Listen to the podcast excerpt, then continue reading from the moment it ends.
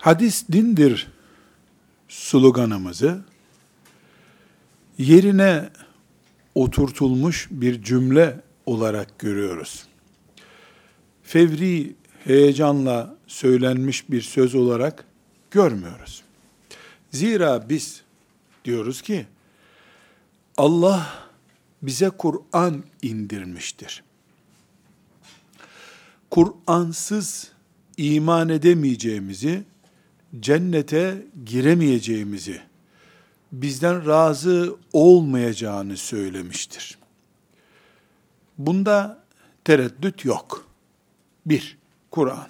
İki, Kur'an'ın bizzat kendisi bu Kur'an'ı insanlar düzeyinde izah etme, insanların Kur'an'a yaklaşımını sağlama görevini de Resulullah sallallahu aleyhi ve selleme devretmiştir. İnsanlar bir kitapçıdan gidip bir Kur'an aldılar da sonra da oturup aa bu kitap çok güzelmiş bundan sonra anayasamız olsun demediler herhalde. Kur'an'ı birisi getirdi. Bunu size Allah gönderdi diyen birisi var. O birisi de Resulullah sallallahu aleyhi ve sellem'dir. Resulullah sallallahu aleyhi ve sellemin bir kimliği var. Ne diyor Kur'an o kimlik için? Beyan kimliği. Sen bu Kur'an'ı beyan edeceksin buyuruyor allah Teala. Bu beyan, hayali bir beyan değildir. Pratiktir. Nasıl pratiktir? Ashab-ı kiram, gelip Medine'ye Kur'an-ı Kerim'i alıp gitmediler. Medine kırtasiyeci, mushaf satan bir dükkan değildi. Medine'de Resulullah sallallahu aleyhi ve sellemin dizinin dibine oturdular. Ondan hadis aldılar ve yola devam ettiler. Niçin hadiste aldılar? Ne yapacaklarını Kur'an'da nasıl anlayacaklarını, nasıl uygulayacaklarını açıklamalı olarak Peygamber aleyhisselamdan öğrendiler. Bizzat zaten Peygamber sallallahu aleyhi ve sellem öyle olmadı, böyle yapın buyurdu. Namazda şöyle yapmadın, böyle yap buyurdu. Allahu Teala namaz kılın dedi Kur'an'ında. Sahabi geldi. Resulullah sallallahu aleyhi ve sellemin huzurunda iki rekat namaz kıldı. Geldi. Esselamu aleyke ya Resulallah dedi. Selam verdi. Efendimiz sallallahu aleyhi ve sellem irci' fesalli fe inneke lem tusalli. Sen git önce iki rekat namazını kıl gel buyurdu. Çünkü kılmadın dedi. Adam gitti. Kur'an ona kıl demişti ya. Gitti iki rekat daha kıldı. Geldi selam verdi. İrci' fesalli fe inneke lem tusalli. Sen git bir namaz kıl. Namazını kılmadın buyurdu. Gitti adam iki rekat daha kıldı. Geldi, selam verdi. Dedi ki Efendimiz sallallahu aleyhi ve sellem sen namaz gene kılmadın dedi. Ya Resulallah bundan başka namaz bilmiyorum dedi. Eksik neyse söyle bana.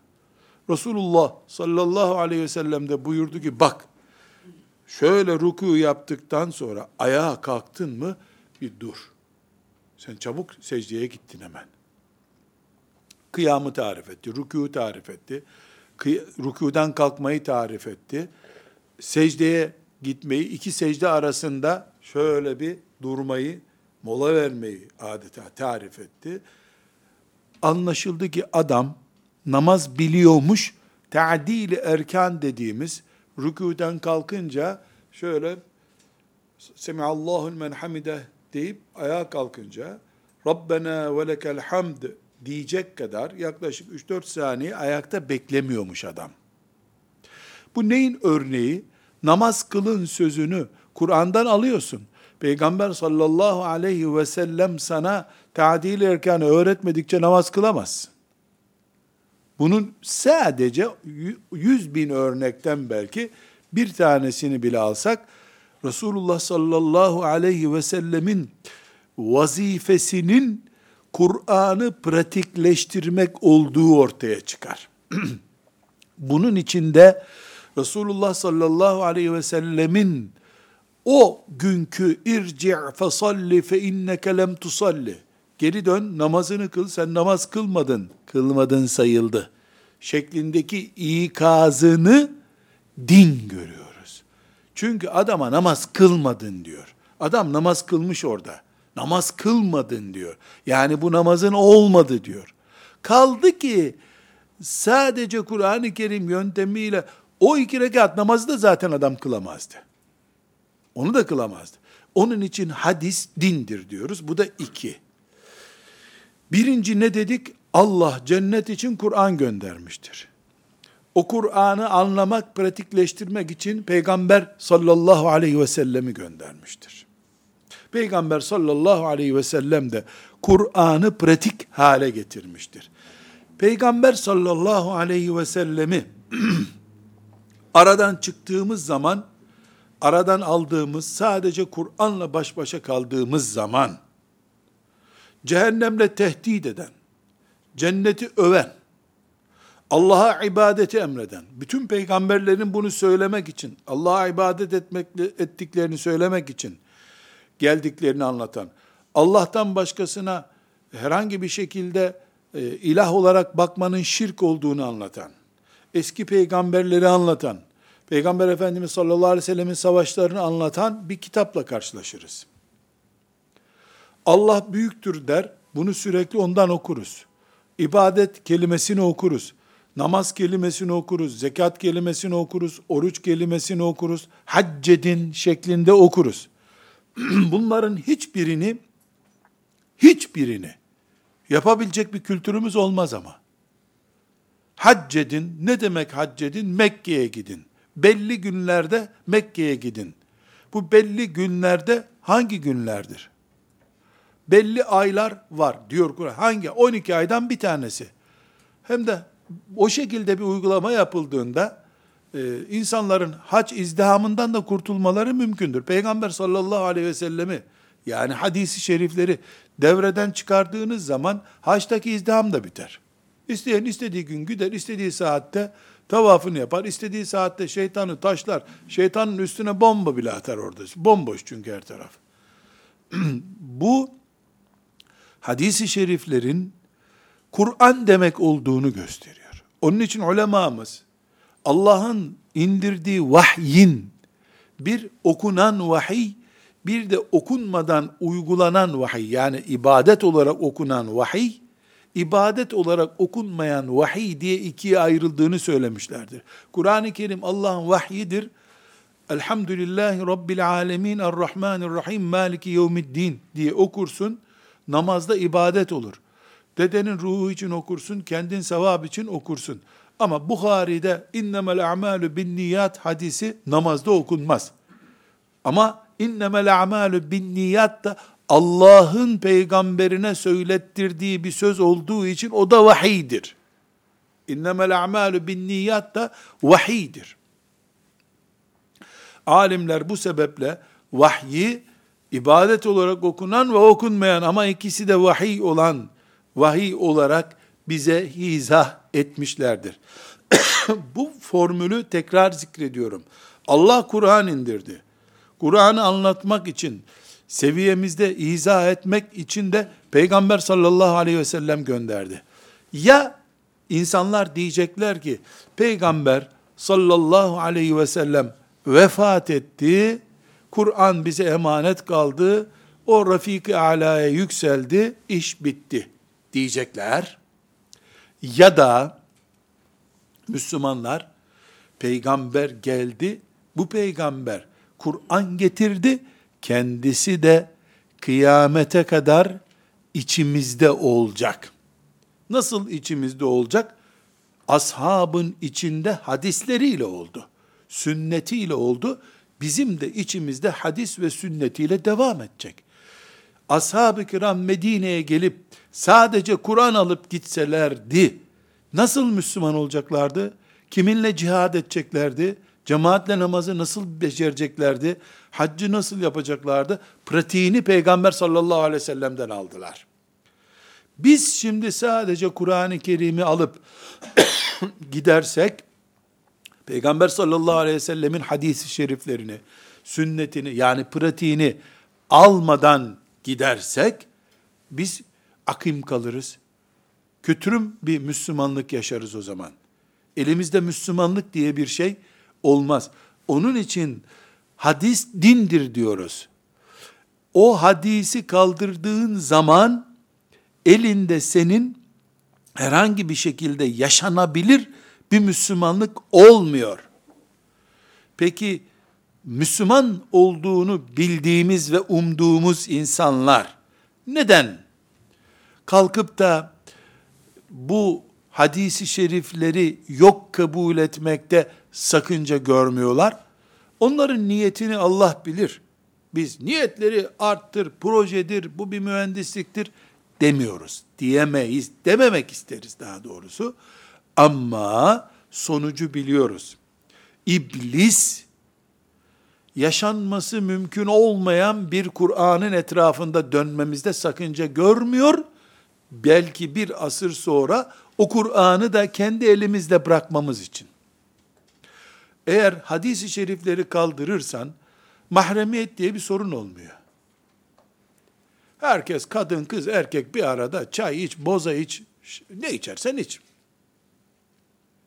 Alkolün sadece Mekke'de yapılan, cahiliye e, zamanında yapılan hurmadan alkol haram oluyor.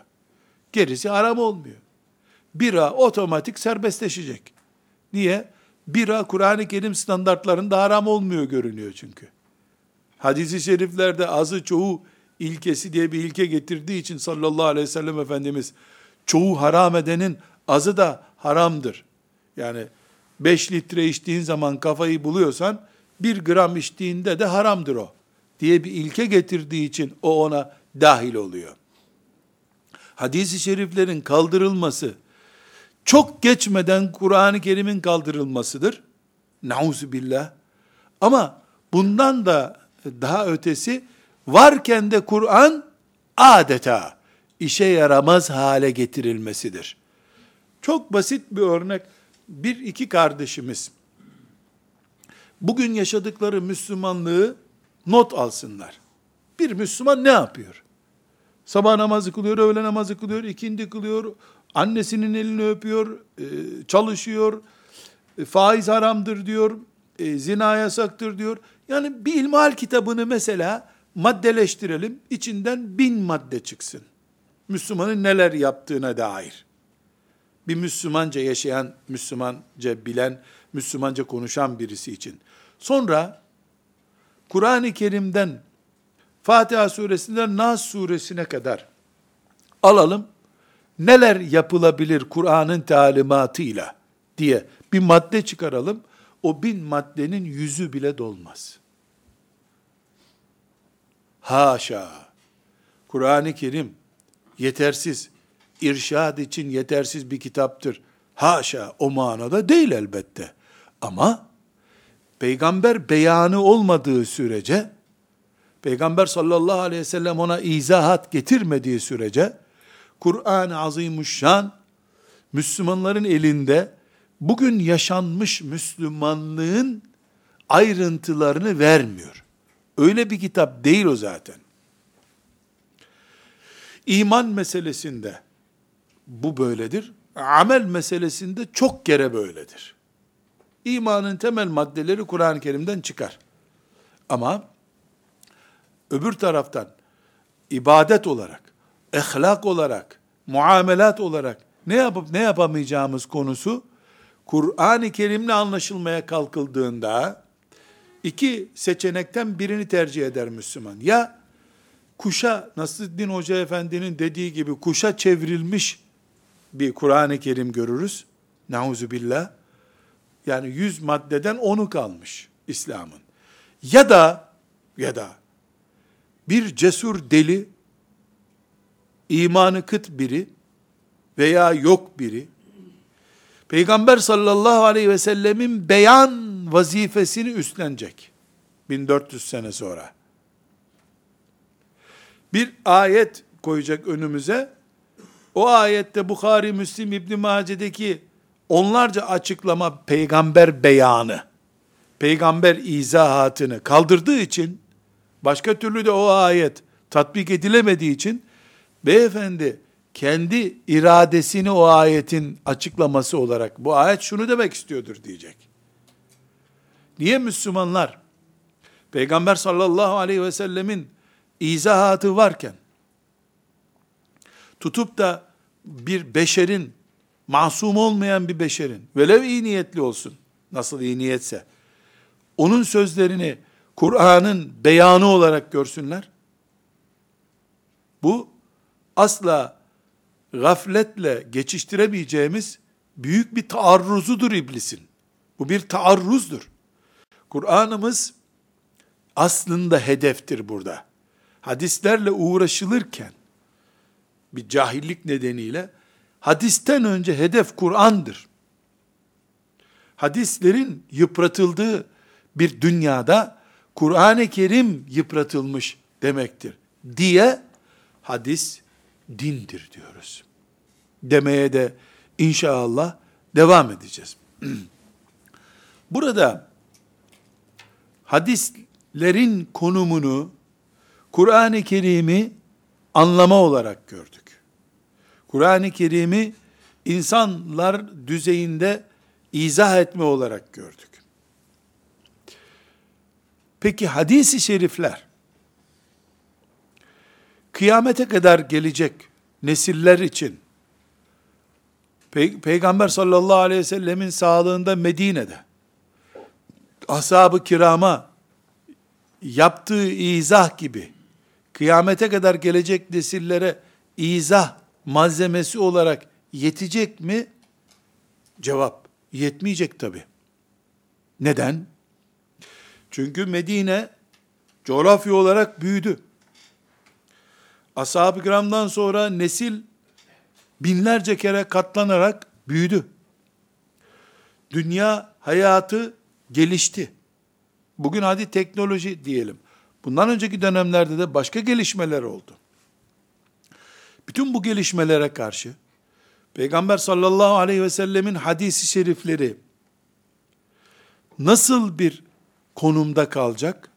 Kur'an nerede kalıyorsa onlar da orada kalacaklar. Ama gelişen olaylar, çoğalan nesil karşısında bu hadisi şeriflerin de o asrın hangi asırsa o yaşadığı o asrın insanının anlayacağı kıvama getirilmesi gerekiyor mu? Gerekiyor tabi.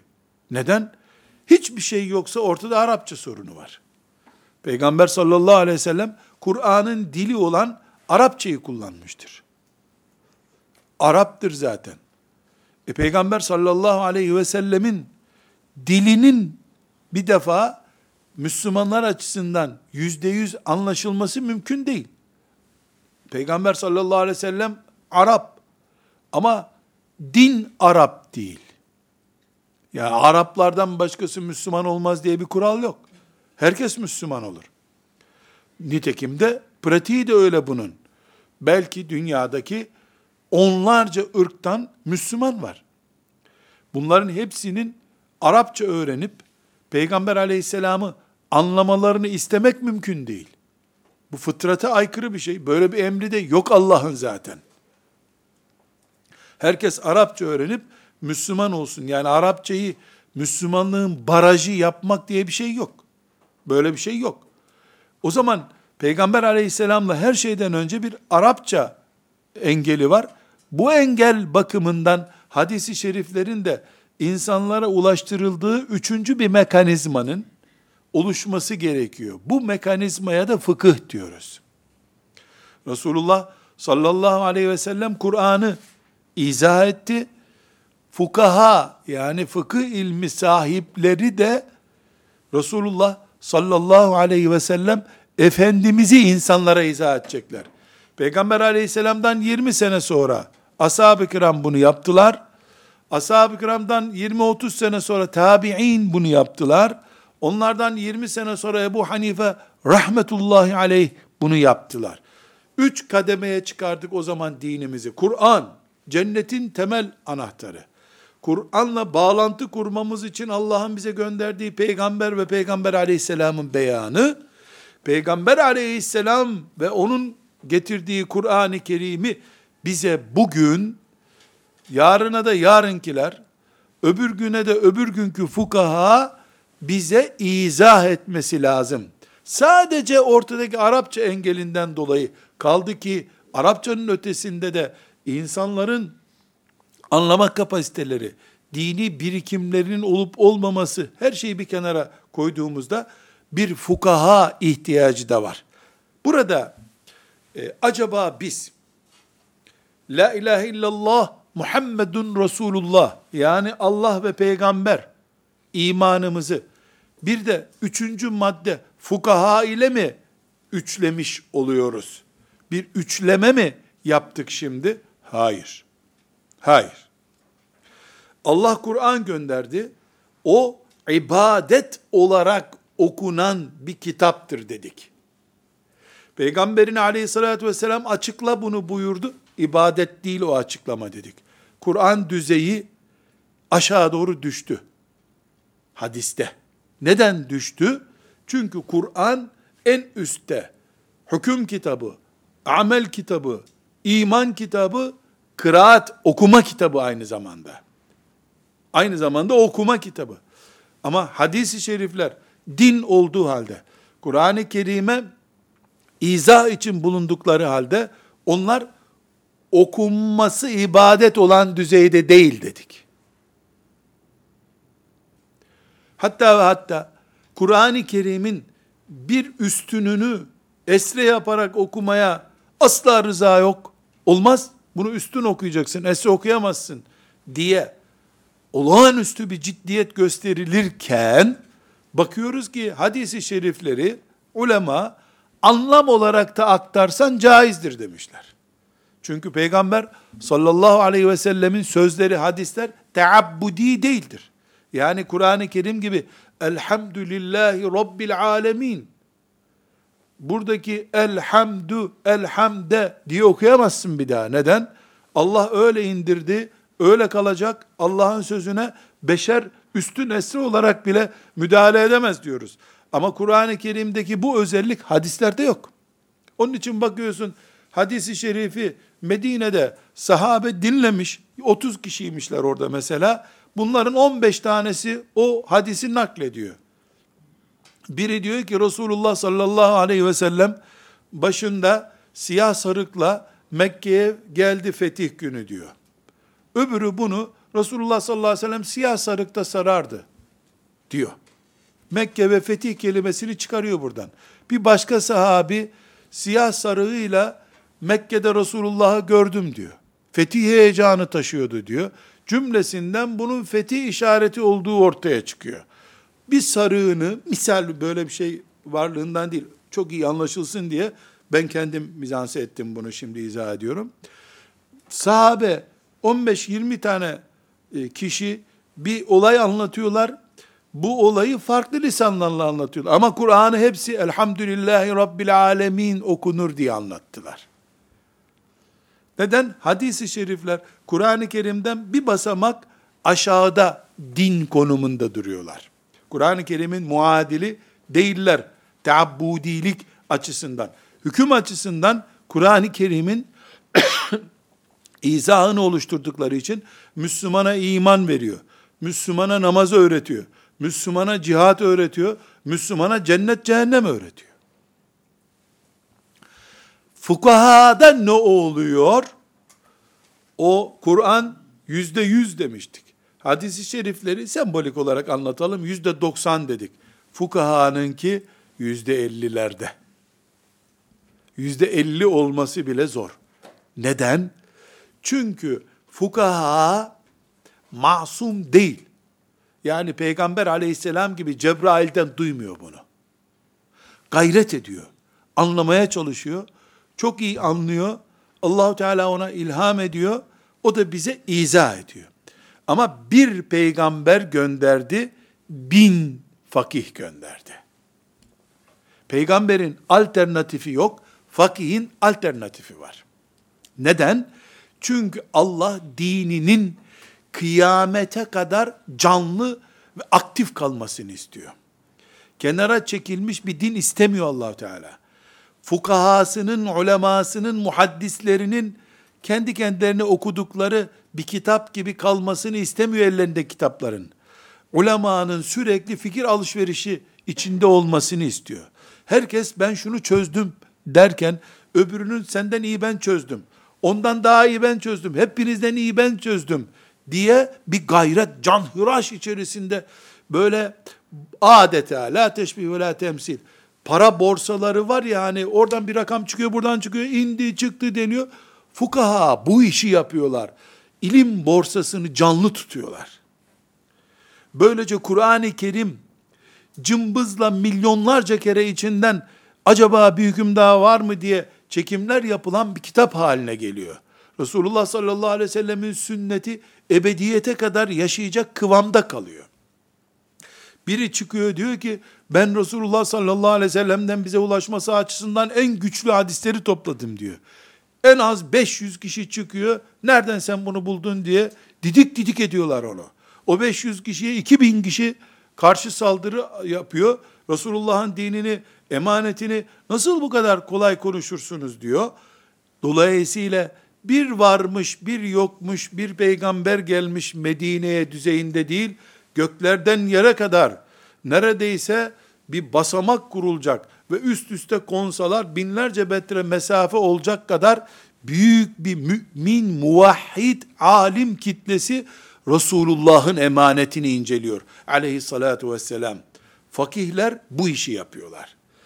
Dolayısıyla biz fukahayı Peygamber sallallahu aleyhi ve sellemin makamında görsek dinimizi bırakmış oluruz. Çünkü Muhammedun Resulullah noktadır. Bitti.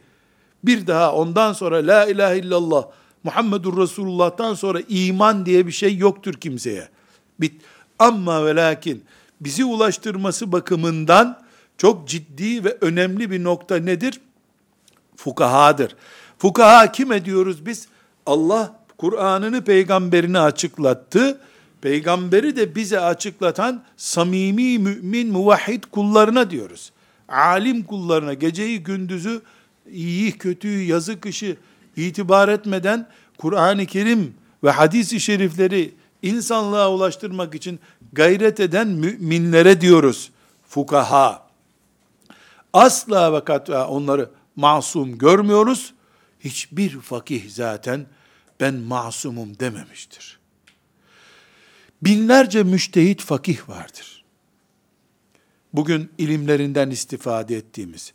Bizim memleketimizde mesela müştehit imamımız dediğimiz Ebu Hanife rahmetullahi aleyh, onun hocaları, onun talebeleri, aşağı doğru inen talebeleri, bugüne kadar gelen meşayihi, bunların hiçbir tanesi ben masumum, bende hata olmaz, asla dememiştir. Asla dememiştir. Hatta ve hatta size hiçbir zaman unutmayacağınız bir kural da söyleyeyim. Onu kırmızı kalemle not edin, not ediyorsanız. Hiçbiri ben Allah'ın veli kuluyum da dememiştir. Hatta hocam saygın Evliyaullah'tandır bile çıkmamıştır ağızlarından. Niye? Çünkü hocamın rakibi yok bu dünyada. Bütün Evliyaullah'ın sultanıydı dedin mi? Onun icazetli talebesi olarak da biz de eh fena bir tip değiliz demiş oluyorsun aslında. Ta'riz yapıp sen kendi kendini yüceltmiş oluyorsun. Ebu Hanife rahmetullahi aleyh bunlar da adam ben de adamım canım. Bunlar da çalışıyor ben de çalışıyorum diye bir ilim talebesi olarak kendisini göstermişti. Zaten o samimiyet, o ihlas, o kendini öne çıkarmadan dinini öne çıkarmak, himmeti ve gayreti var ya, 1200 senedir onu ümmetin göz bebeği yapan da budur zaten. İmam Şafii rahmetullahi aleyh, Allah ona yerler gökler dolusu rahmet etsin, diyor ki, yani isterdim ki şu dünyada kim din namına bir şey öğrendiyse benden öğrensin onu. Ama ben öldükten sonra hiç kimse bunu Şafii'den duyduk demesin. Ben unutulayım, Allah'ın dini kalsın. böyle isterim diyor. La ilahe illallah. Muhammedur Resulullah. Heyecanına bakıyorsun. Kıyamete kadar yaşanacak din, bu dine ait ilim benden alınsın istiyor. Ama bakıyorsun ki sonra benden hiç kimse bir şey hatırlamasın. Din hatırlansın istiyor. Bu ihlas Şafii'yi ayakta tuttu. Rahmetullahi aleyh. İmam Malik Resulullah sallallahu aleyhi ve sellem'den işte bir asır sonra diyelim e, Medine-i Münevvere'de yaşadı. Abdullah İbni Ömer'e ulaşıyor silsilesi. Abdullah İbni Ömer'in talebelerinin talebesi diyelim. Herkes bir kitap yazıyor. Kitaba da muvatta diyorlar. Muvatta kitap diyoruz ya biz şimdi kitap yazılmış, kitap basılmış. Muvatta öyle bir isim.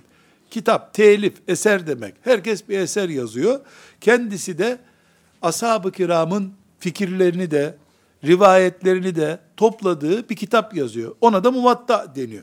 Talebeleri e, diyorlar ki ona mel faidetu fi tasnifike ya imam. Ennâsü cemiyan ellefû muvattaat. Herkes bir muvatta yazdı. Niye sen bir de bunu çıkardın ki karşımıza diyor. Diyorlar. Ama cevap hazır. Dönüyor talebelerine diyor ki ma kana lillahi yabqa. Merak etmeyin. Allah için olan kalır. Gerisi gider diyor. O gün 60'tan fazla Muvatta isimli kitabın Medine'de yazılmış olduğu tahmin ediliyor. Bugün dünyada bir tane, tek bir tane muvatta var. İmam Malik'in muvattadı. Çünkü ma kâne lillahi bakiye. Sırf Allah için yazılan kaldı. Burada sevgili kardeşlerim, bu ümmetin geçmişindeki fukahası, mücahit, arslan yiğit, yürekli mücahitleri, bu ümmetin Allah'a samimiyetle ibadet örneği olan tasavvuf erbabı, büyük ehlullah dediğimiz, evliyaullah'tan olduğuna inandığımız samimi insanları, büyük muhaddisleri, büyük müfessirleri, bunlar var ya, bunlar Allah'tan başka tek bir kelimeleri gaye edinmiş tek bir kelimeleri olsaydı Allah onları bugün bize mümin örnek olarak taşımazdı. İblis de bugüne geldi. Ama nefretin örneği olarak geldi. Harici kafalılar da bugüne geldi. Nefretin örneği olarak geldi. Mu'tezile de bugün kitaplarla bize geldi. Ama nefretin ve İslam'a darbenin örneği olarak geldiler. Medreselerde üç gün önce Arapça öğrenmiş çocuklar bile Allah'ın belaları dinimizi karıştırmışsınız diye. Bugüne Allah onları lanet toplasınlar diye gönderdi. Adeta. Ama bu Malikler, Ahmetler, onlar bugünlere bugünkü sevaplardan bile, ibadetlerin ecirlerinden, cihattan oluşan sevaplardan bile pay toplamak için adeta Allah isimlerini getirdi. Burada bir kuralı beraberce zikretmek istiyorum.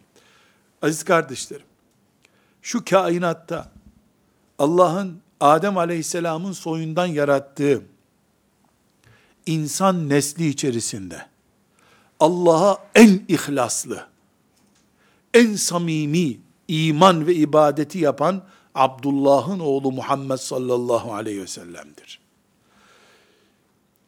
hiçbir beşere onun gibi Allah demek nasip olmamıştır. Olmayacaktır da. Etkâkum ve ahşâkum buyuruyor. Allah'tan en çok korkanınız, en haşyet içinde olanınız benim buyuruyor. Vallahi de öyle. Onun içinde küfür çatlasa da çıldırsa da, gayzından geberip gitse de küfür ki, öyle oldu tarih boyunca, adını silemediler silemeyecekler Sünnetini unutturamayacaklar. Unutturamazlar. Hadisini asla tek bir hadisini bile imha edemezler. Neden? Ne demişti İmam Malik? Ma kana lillahi baki. Allah için olan kalacak.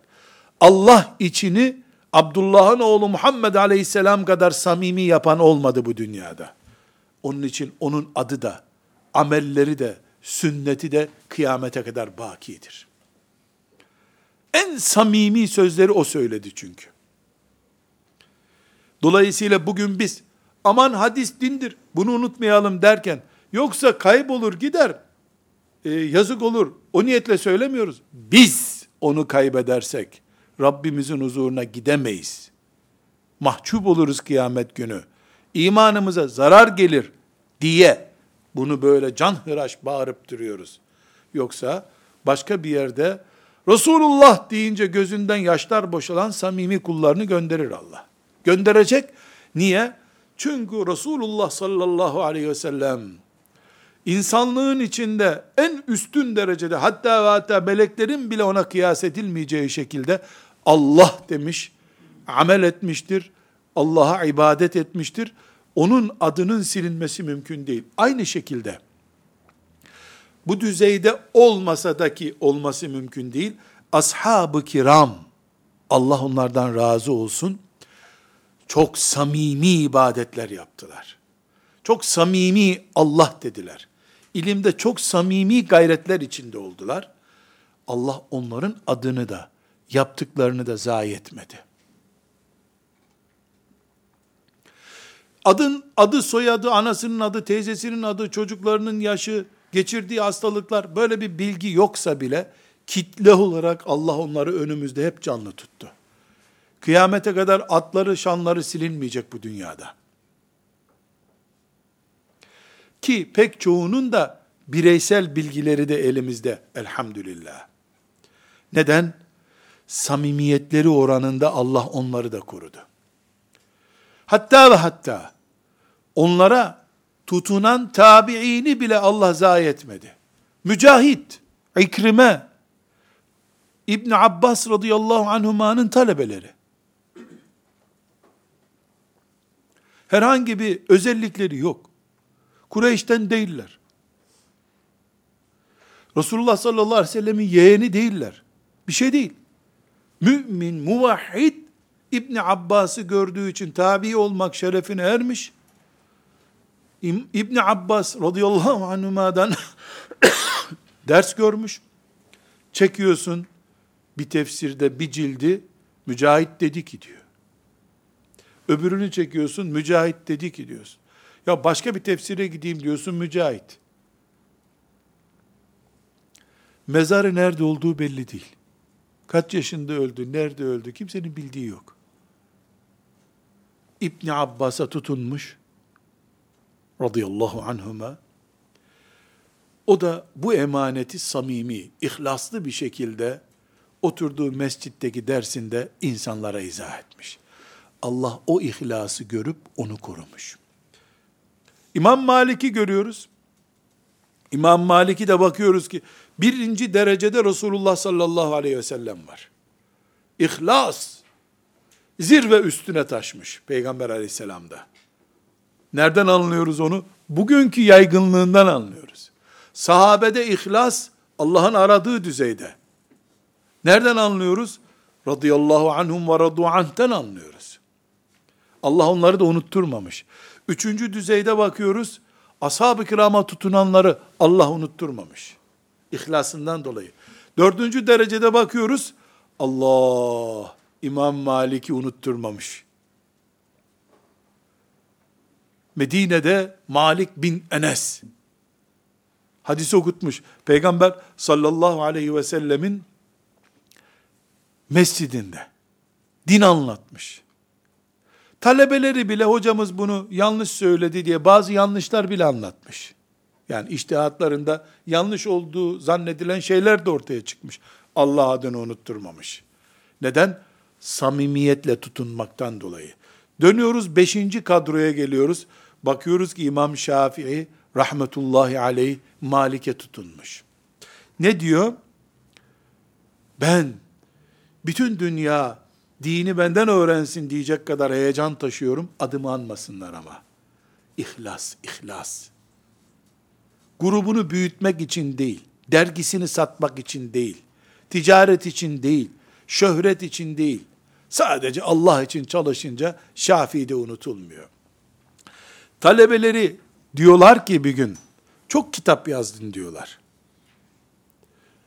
Çok kitap yazdın. Bunları kim taşıyacak, kim kopyalayacak da senin kitapların çoğalacak diyorlar. Allah ona rahmet etsin. Diyor ki, inne haza huvel hakku vel hakku la yadi'u ebeden. Bizim yazdığımız şey haktır. Hak kaybolmaz merak etmeyin diyor. El-Üm ortada. Koca kitap. Er-Risale ortada. Şafii'nin kitapları. İnne haza huvel hak. Hakkı yazıyoruz biz. Ekolümüzü, vakfımızı, tarikatımızı, görüşümüzü, mezhebimizi değil, hakkı yani Allah'ın şeriatını yazıyoruz. Allah'a iman ettiğimiz şeyi yazıyoruz. Vel hakku la yadi' Hak zayi olmaz. Akıl bu, idrak bu, hedef bu. Ondan sonra Allah sana binlerce muhaddisi talebe olarak gönderiyor. Sen öleli tam 550 sene olmuş, 600 sene olmuş, çıkıyor İbn Hacer senin ekolünü ihya ediyor. Nevevi senin ekolünü ihya ediyor. Subki senin ekolünü ihya ediyor.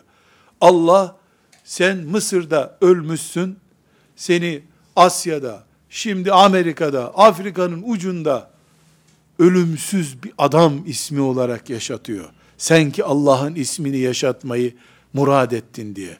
Bakıyoruz, bu beşinci adam. Altıncı adam, buna birisi tutunmuş, Ahmet bin Hanbel. Şafii Malik'in talebesi. Malik İbni Ömer'in talebesi, Nafi'in talebesi. Silsile aşağı doğru iniyor. Bugün biz neyle iftihar ediyoruz onu anlatmaya çalışıyorum. Biz popüler çalışan, insanlar arasında şöhret için gayret eden bir isimlerin etrafında değiliz Allah'a hamdolsun. Hayatı olduğu gibi Allah'a adamış ve bunu ispat etmiş büyüklerin arkasındayız. Elhamdülillah. Ahmet bin Hanbel'e bakıyoruz. Çok az bir dönem Şafii ile beraberliği var. Ondan hadis mantığı almış.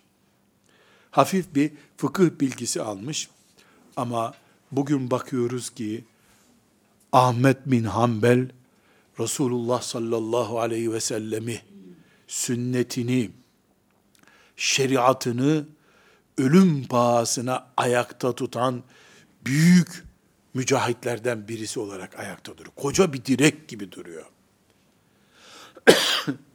Gök kubbemiz sünnet, o sünneti ayakta tutan sütunlardan birisi bakıyoruz. Bakıyoruz, bu büyük akışın içerisinde yedinci isim olarak Buhari önümüze çıkıyor. Ahmet bin Hanbel'e yapışmış o da. Ahmet bin Hanbel'e üst kalite getirmiş. Rahmetullahi aleyhim cemiyan. Bakıyoruz Müslim ona tutunmuş. İbn Mace Müslim'e tutunmuş. Elhamdülillah. Elhamdülillah. Sonra gelen nesiller, Neveviler, İbn Hacerler, Zehebiler tutmuşlar. Buharilere, Müslimlere, Begavilere tutunmuşlar. Kimse bu işten karnını doyurmak gibi bir hedef gütmemiş. Herkes Allah'ın dinini yaşatma hedefi gütmüş. Allah da isimlerini yaşatmış. Ama bunların hiçbiri, hiçbiri, en baştaki isim var ya, a'bedun nas, ahşen nas, etkan nas, imamul muttakin, imamul zahidin var ya Resulullah sallallahu aleyhi ve sellem o hariç hiçbiri sahabe onun talebeleri onun talebeleri onun talebeleri Bukhariler hiçbiri masum değil. Yani ne demek masum değil? Melek. Ne yaptıysa güzeldir. Öyle bir şey yok. İnsan olarak çalışmışlar. çalışmalarını insanlara sunmuşlar. İnsanlar olumlu olumsuz refleksler göstermişler. Kimi sağlığında dayak bile yemiş bu işten dolayı. İspat etmeye çalışsın diye. Allah tam anlamıyla süze süze Buhari'yi bize ulaştırmış. Şimdi diyorlar ya Bukhari yaşadığı şehirden bile kovulmuş. Ne biçim anlayış bu? Bu bir şeref ya. O şehir içinde şeref, Bukhari içinde şeref. Genç bir adam, ne cesaret sen Resulullah'a aittir yedi bin söz diye önümüze getirdin bunu diye. Olağanüstü bir deprem gibi görmüş bunu şehir. Bir hesap edelim seni bakalım demişler. Bu o şehir içinde bir şeref. Bukhari içinde bir şeref. E peki vazgeçtim dört bine indirdim bunu dememiş. Buyurun tarih burada, ilim burada demiş. Şehirde, Bukhari de, kitabı da olduğu gibi insanlık tarihine emanet edilmiş. Ümmeti Muhammed'in kütüphanesine emanet edilmiş. Ve biz neredeyiz sorusuna buyurun cevap bulalım. Şimdi biz neredeyiz?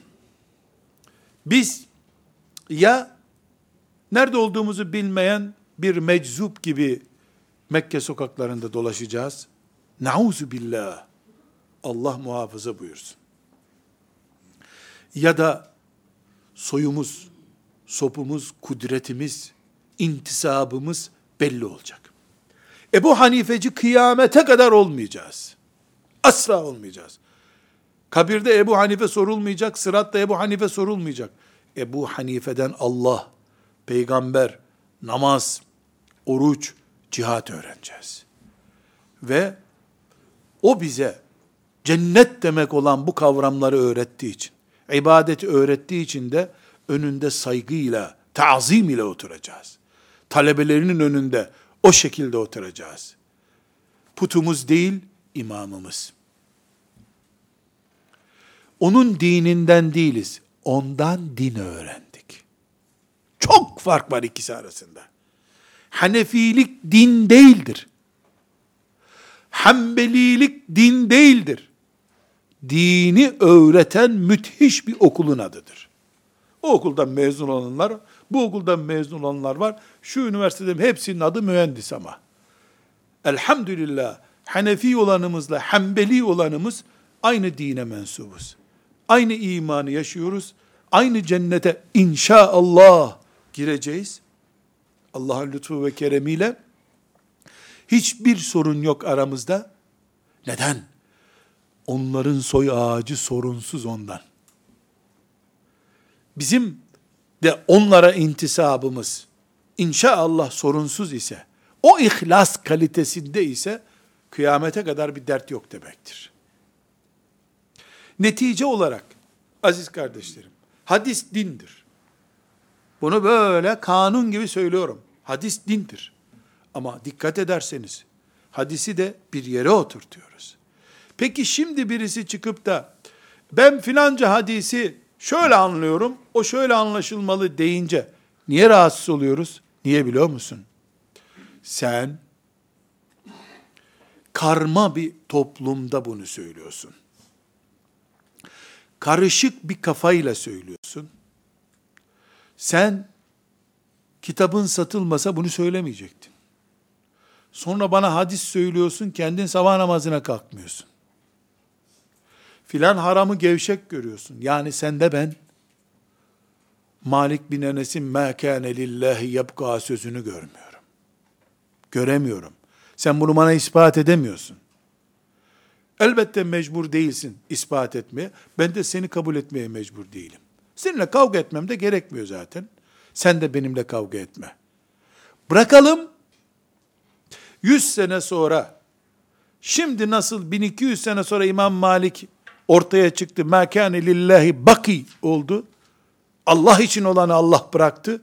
Gerisini fitne fesat ve kötülük örneği olarak bıraktı. Şimdi de herkes yaptığını yapsın. 100 sene sonra, 200 sene sonra ki İmam Malik'in şimdi herhangi bir şekilde filmi yok, el, imzası yok, el yazısı hangisidir belli değil. Şimdikiler çok daha kaliteli bir şekilde nefes nefese sonraki nesillere kalacak. Baksın ümmeti Muhammed karar versin. mezhep adı altında, hadisçilik adı altında, selefilik adı altında, şeyhlik adı altında, müritlik adı altında, ibadet adı altında ticaret mi yapıyorsun? İhlaslı mısın? Kendin için mi çalışıyorsun? Ekolün için mi çalışıyorsun? Allah için mi ayaktasın? Buna birbirimizin hakemi olup karar vermeyelim. Allah bu kararı versin. Melekleri görsün. Ümmeti Muhammed'in gelecek kuşakları ya Fatiha okusun ya lanet okusun. Bu kadar kolay. Velhamdülillahi Rabbil alemin.